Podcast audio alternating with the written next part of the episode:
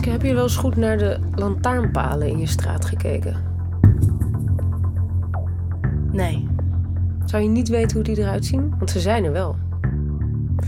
Volgens mij heb je maar één soort lantaarnpaal, toch? En welke, welke paal heb jij dan in je hoofd?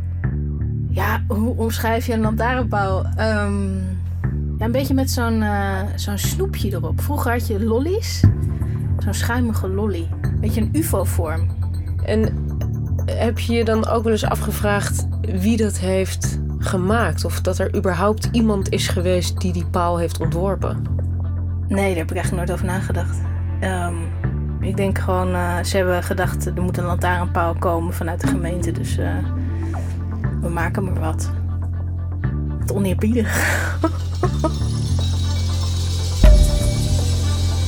Ongesigneerd. Een serie over onopvallend design. Ik had nog nooit bewust stilgestaan bij onze Nederlandse straatinrichting. De prullenbak, de brievenbus, de tegels en de stoepranden, die waren er gewoon. Tenzij ik me ergens aan stoorde, zoals zo'n irritante afzetkogel die me belemmerde door te fietsen. Of de nieuwe trots van de snackbar onder mij. Het levensgrote ijsje waar ik dan opeens omheen moest manoeuvreren. Verder kon het me allemaal verdomd weinig schelen. Sorry prullenbak, sorry boomrooster. Dat veranderde. Met een boek. Heb ik dat toen aan jou gegeven? Op mijn verjaardag kreeg ik van Eefje het fotoboek uit voorraad leverbaar. Daarin staan foto's van centrale pleinen en straten in tientallen middelgrote steden in Nederland. Zoals Hellevoetsluis, Valkenswaard, Deurne en Nieuw-Vennep. Loop je al warm? Toen dacht ik, dat kun jij wel waarderen. De kneuterigheid van Nederland, de lelijkheid en tegelijkertijd ook de schoonheid van dit soort eenvormigheid die je overal terugvindt. De schoonheid? Ja, dat is ook wel mooi. Ergens. Ja, ja. Laten we voor meer uitleg naar de maker van het boek, fotograaf Hans van der Meer. Deze afvalbak, die kom je natuurlijk heel vaak tegen. Dit is waarschijnlijk een van de goedkoopste.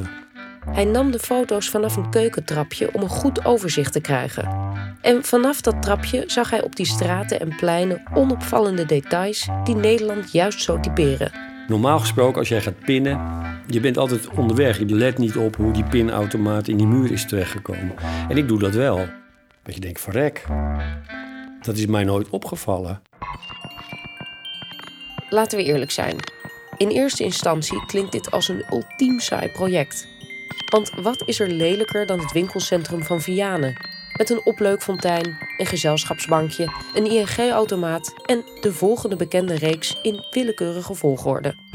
Gewoon bij Albert Heijn. Bestellen kan in elke winkel, op blokker.nl of kom naar een van de Steeds verrassend, altijd voordelig. Echt Hema. Het zijn ook geen beelden waar je nou direct heel vrolijk van wordt. Als je goed naar de foto's kijkt, heeft het vooral iets extreem deprimerends. Gelukkig ziet Hans dat heel anders. Soms heeft het ook iets heel ontroerends. Doordat er een poging gedaan wordt om er iets van te maken. Ik krijg nog niet echt tranen in mijn ogen. Maar wat niet is, kan nog komen. Hans maakte het boek niet zomaar. Hij kreeg de opdracht om door middel van fotografie aan te tonen wat er de afgelopen 30 jaar is veranderd in Nederland. En die veranderingen zijn groot. Vroeger ontstonden de dingen wat meer organisch. Dan heb ik het niet over natuurlijk architectuur zoals Berlage en uh, uh, nou ja, steden waar echt een plan op is losgelaten. Maar juist dit soort plaatsen, daar speelde toeval een rol. Tot een paar decennia terug. Toen de woordjes identiteit, concept en look and feel opkwamen. En die heerlijke city slogans natuurlijk. Zoals zin in Zevenaar, zoom in op Zutphen en met stip op nummer 1, doe het in Dronten.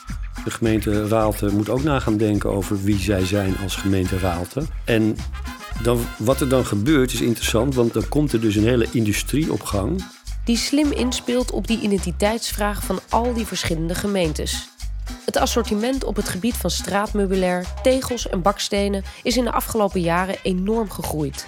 Metselen met dunne voeg was nooit zo gemakkelijk en voordelig dankzij deze nieuwe gevelsteen met de homogene look van gelijmd metselwerk. Hier zou je eens voor de grap moeten tellen hoeveel soorten straat- en gevelstenen je ziet. Ik heb ze een keer geteld, het zijn er meer dan twintig. Je zou zeggen dat al die keuzes een enorme diversiteit opleveren. Maar dat is dus juist niet het geval. Want een massa-industrie maakt vooral producten die een grote groep aanspreekt. De ver-Ikeïsering van de buitenruimte. Bovendien sluiten de meeste gemeentes uiteindelijk toch compromissen. En in combinatie met die grote ketens die hun eigen vormgeving meebrengen, krijg je dus eenvormigheid. Het tegenovergestelde van die gewilde eigen identiteit. Dat is de paradox. Tricks, tricks, we want tricks. Hans van der Meer deed ook een catalogus bij zijn boek. Om te laten zien dat alles wat we om ons heen zien... gewoon als onderbroeken of vliestruien uit de Nekkerman of de Weekamp te bestellen is. De Argo Plus, de Falco Ultimo of eh, de Articlean. Dat zijn dus de prullenbakken. Deze heeft niet eens een naam, die heet gewoon afvalbak. Gelukkig heeft hij wel een bestelnummer. 33051.000. Net als de Smeraldo, de Iglo Hero en de Apropos. Respectievelijk een plantenbak, een glascontainer en een fietsenrek. Ik ging steeds meer houden van dat straatmeubilair, omdat ik wist, het werden mijn vrienden, omdat ik wist hoe ze heten.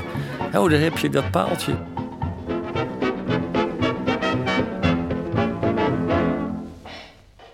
Hans heeft dus veel vrienden op straat. Maar voor één specifiek straatmeubelstuk koestert hij echte liefde.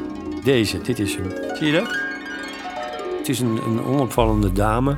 De lantaarnpaal met de kegelvormige kop. De Industria 2000, ja, dat is hem. Dat is de paal die Tjitske in het begin beschreef. Hij wordt ook wel de paaltop of de kegelkoparmatuur genoemd. Er staat heel Nederland vol mee.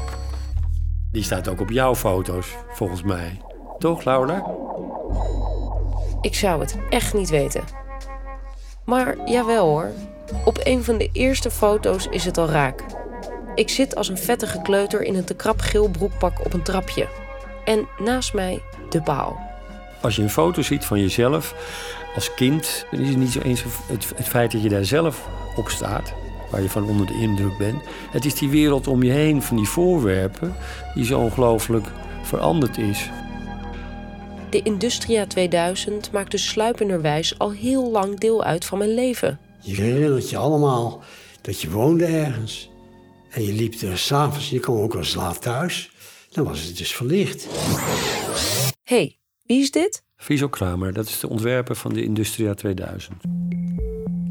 Juist, Friso Kramer. Nu 92 jaar oud en een van de grootste ontwerpers van Nederland.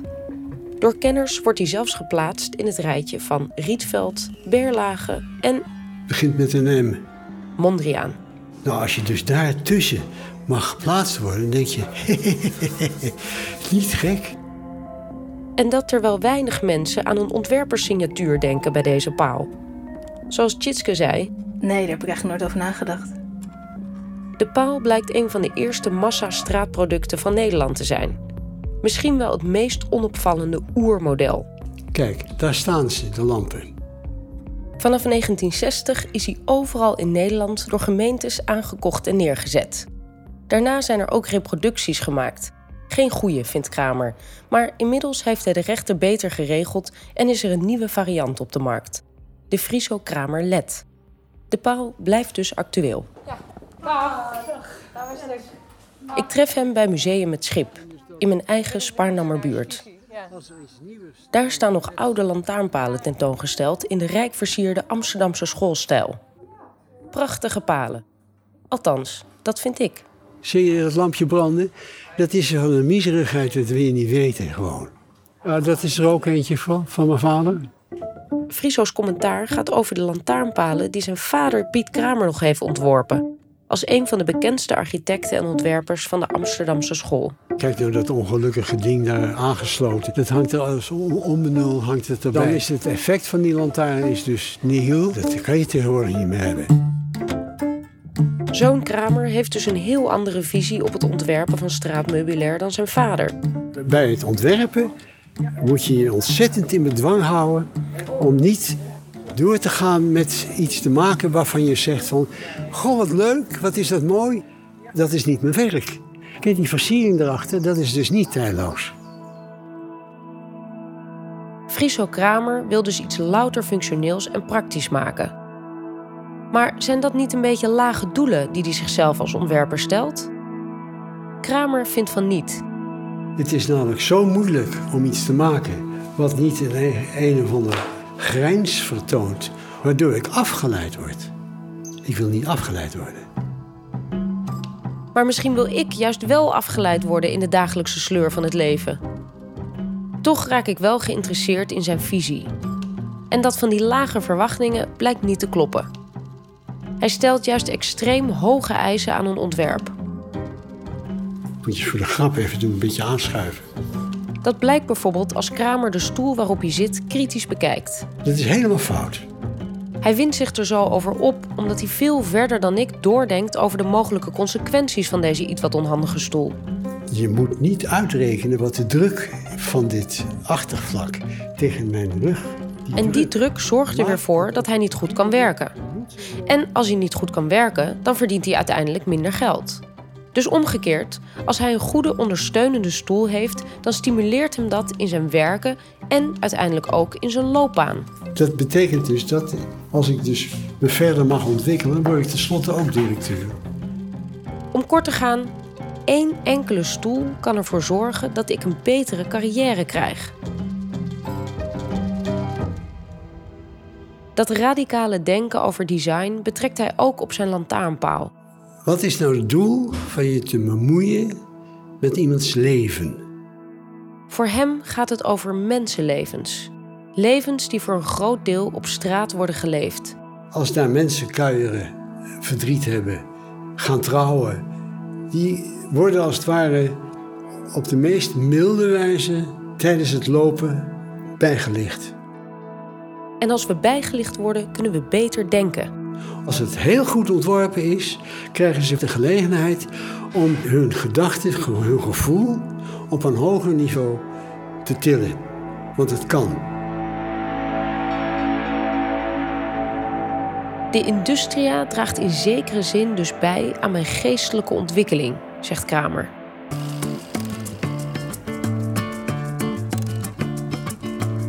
Kom thuis en zet mijn fiets tegen een paal. Ik kijk naar boven. De Industria blijkt zelfs voor mijn huidige raam te staan, tegenover vriend Falco de prullenbak. Mooier vind ik hem misschien niet, maar ik geloof dat ik de liefde van Hans van der Meer toch iets beter begrijp.